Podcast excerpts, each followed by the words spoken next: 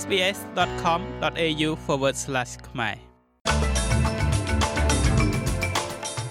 លោកនាយករដ្ឋមន្ត្រីការពីការផ្លាស់ប្ដូរដែលធ្វើឡើងទៅលើការកាត់បន្ថយពន្ធដំណាក់កាលទី3របស់លោក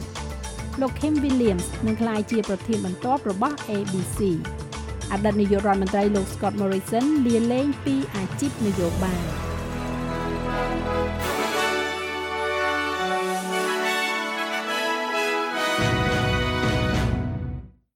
លោកនាយករដ្ឋមន្ត្រី Anthony Albanese បានការពារការផ្លាស់ប្ដូរដែលបានធ្វើឡើងចំពោះការកាត់បន្ថយពន្ធដំណាក់កាលទី3របស់លោក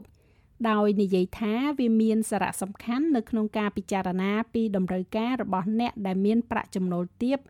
ដល់កម្រិតមធ្យមដែលកំពុងតែតស៊ូនឹងការលំបាកគេរំពឹងថាលោកនាយករដ្ឋមន្ត្រីនឹងផ្លាស់ប្ដូរផែនការរបស់លោកដើម្បីរក្សាការកាត់បន្ថយពន្ធ37% និងបង្កើនការកាត់កងពន្ធសម្រាប់អ្នកដែលមានប្រាក់ចំណូលទាបរហូតដល់ចំណូល50,000ដុល្លារ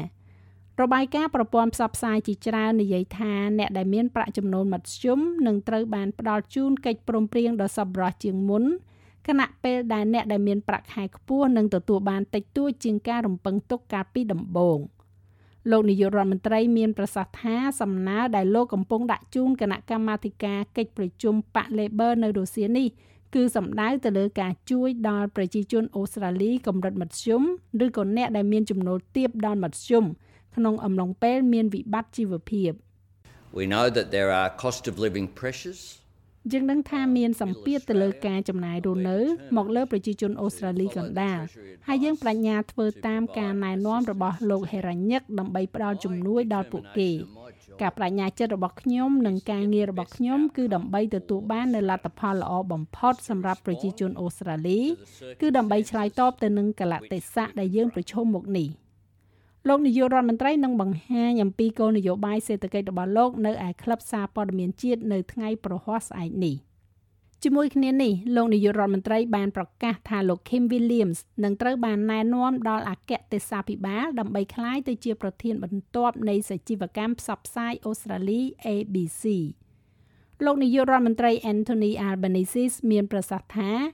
លោក Williams គឺជាអ្នកដឹកនាំដ៏ល្អហើយចែករំលែកបទពិសោធន៍ពេញមួយជីវិតនិងសមត្ថភាពដ៏ទូលំទូលាយដែលជាចំណុចសំខាន់នៃតួនាទីនេះលោក Williams បានដំណើរការក្រុមហ៊ុនប្រព័ន្ធផ្សព្វផ្សាយផ្សេងៗរួមទាំង News Corp ផងដែរហើយលោកបានធ្វើការនៅក្នុងផ្នែកល្ខោននិងតន្ត្រីហើយក៏ជាអតីតស្នងការ AFL ទៀតផង លោកមានប្រសាសន៍ថាវាជាកិត្តិយសនៅក្នុងការទទួលយកការប្រឈមនៃការអនុវត្តធម្មនុញ្ញរបស់ ABC សម្រាប់ការផ្ដល់ជូនដំណឹងការកំសាន្តនិងធានានៅភាពចម្រុះនៃវប្បធម៌និងអត្តសញ្ញាណជាតិដ៏រឹងមាំនៅក្នុងការស្រមើស្រមៃសាធារណៈរបស់អូស្ត្រាលី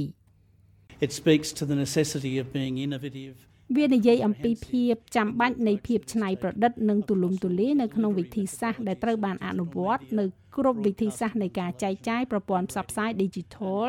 ការផ្សាយតាមទូរទស្សន៍និងវិទ្យុហើយច្បាស់ណាស់នៅក្នុងព័ត៌មានជាលិលាអក្សរជាច្រើនខ្ញុំពិតជាគិតថាទំនួលខុសត្រូវគឺជាបញ្ហាប្រឈមដ៏អស្ចារ្យមួយនៅក្នុងប្រទេសអូស្ត្រាលីហើយវាជាឯកសិទ្ធិក្នុងការធ្វើដូច្នេះ គណៈរដ្ឋមន្ត្រីសហព័ន្ធបានធ្វើការសម្រេចចិត្តដើម្បីណែនាំលោក Williams ធ្វើជាប្រធាន ABC នេះនៅក្នុងកិច្ចប្រជុំរបស់ពួកគេកាលពីថ្ងៃអង្គារក្នុងពេលនេះដែរសមាជិកសភាគណៈបក National គឺលោក Barnaby Joyce បានសរសើរអតីតនាយករដ្ឋមន្ត្រីលោក Scott Morrison ដែលបានប្រកាសលាលែងចេញពីនយោបាយលោក Joyce បានប្រាប់ ABC ថាលោក Morrison តែងតែជាមនុស្សដែលអាចទុកចិត្តបាននិងខិតខំប្រឹងប្រែងធ្វើការងារ He was very much a patriot of the liberal cause. គាត់ជាអ្នកស្នេហាជាតិនៃបុព្វហេតុសេរីនិយមអ្នកត្រូវតែមានមនុស្សដែលលះបង់ខ្លួនឯងចំពោះដំណើរការប្រជាធិបតេយ្យដោយការលះបង់ចំពោះភាគីរបស់ពួកគេនៃសមរភូមិនយោបាយហើយរឿងបន្ទាប់គឺគាត់តែងតែផ្ដល់នូវព័ត៌មានលម្អិតសម្រាប់ការងាររបស់គាត់គាត់មិនដែលថាបង្ហាញខ្លួនដោយមិនបានត្រៀមទុកនោះទេ អតីតនាយករដ្ឋមន្ត្រីរូបនេះបានប្រកាសលាលែងចេញពីនយោបាយកាលពីថ្ងៃអង្គារនៅក្នុងការបង្ហោះលើបណ្ដាញសង្គម Instagram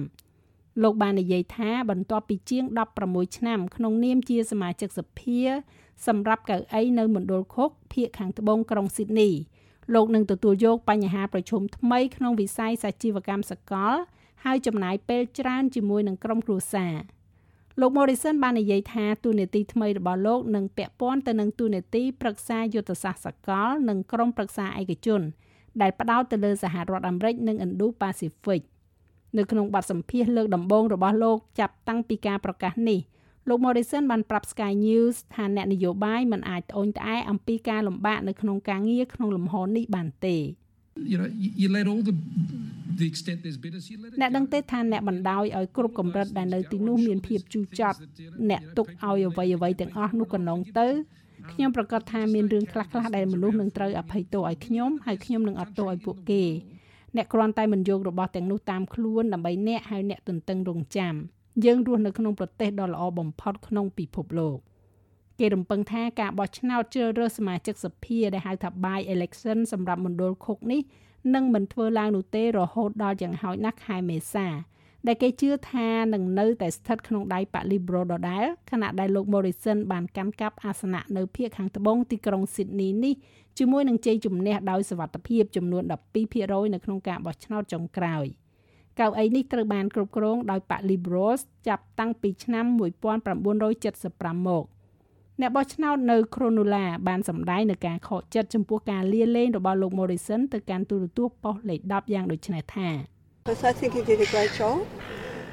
ខ្ញុំគិតថាគាត់ធ្វើបានល្អណាស់ហើយខ្ញុំជួយចិត្តគាត់ប្រសិនបើគាត់នៅឈរឈ្មោះសម្រាប់ការបោះឆ្នោតលើកក្រោយខ្ញុំនឹងបោះឆ្នោតជូនគាត់ម្នាក់ទៀតថាខ្ញុំគិតថាវាជាការខកចិត្តព្រោះគាត់ជាមនុស្សល្អខ្ញុំជួយចិត្តគាត់មនុស្សជាច្រើនមានមនុស្សដែលខ្លួនមិនចូលចិត្តរៀងរៀងខ្លួន។ ឥឡូវនេះអតីតអភិបាលរដ្ឋអូស្ត្រាលីខាងត្បូងគឺលោក Steven Marshall បានក្លាយទៅជាអ្នកនយោបាយចុងក្រោយគេ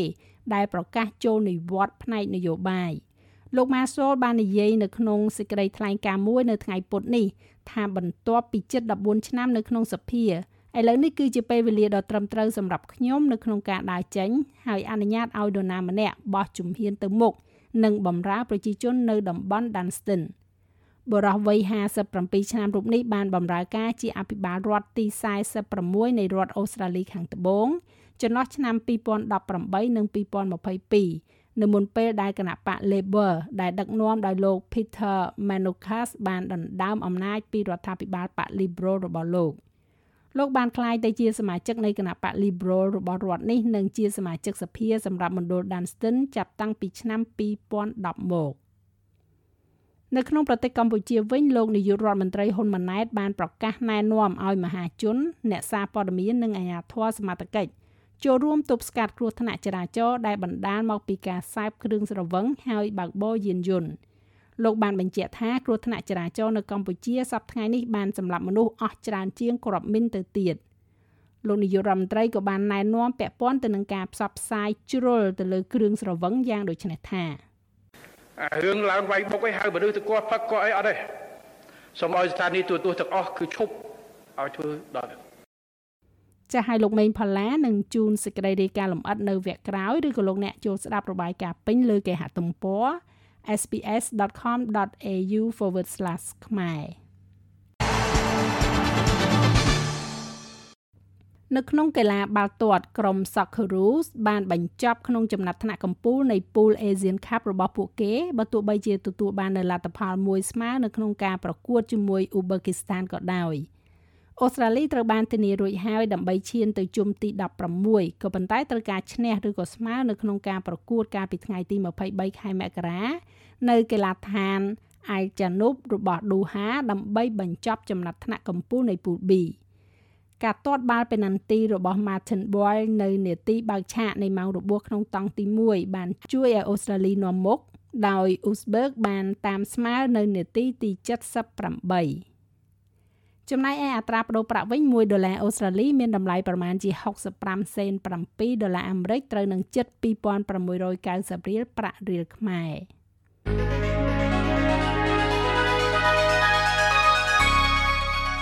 ចាឥឡូវនេះយើងក៏លេខមកមើលការព្យាករណ៍អាកាសធាតុសម្រាប់ថ្ងៃប្រហ័សស្អែកនេះវិញ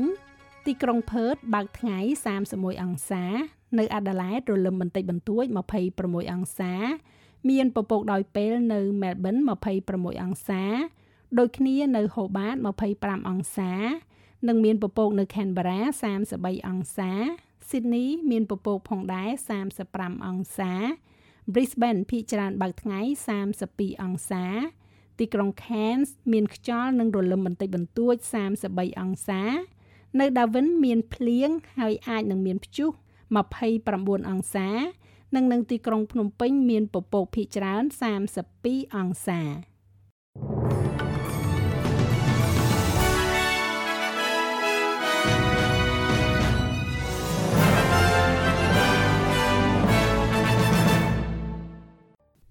ចូលចិត្តអ្វីដែលអ្នកស្ដាប់នេះទេ Subscribe SBS ខ្មែរនៅលើ Podcast Player ដែលលោកអ្នកចូលចិត្ត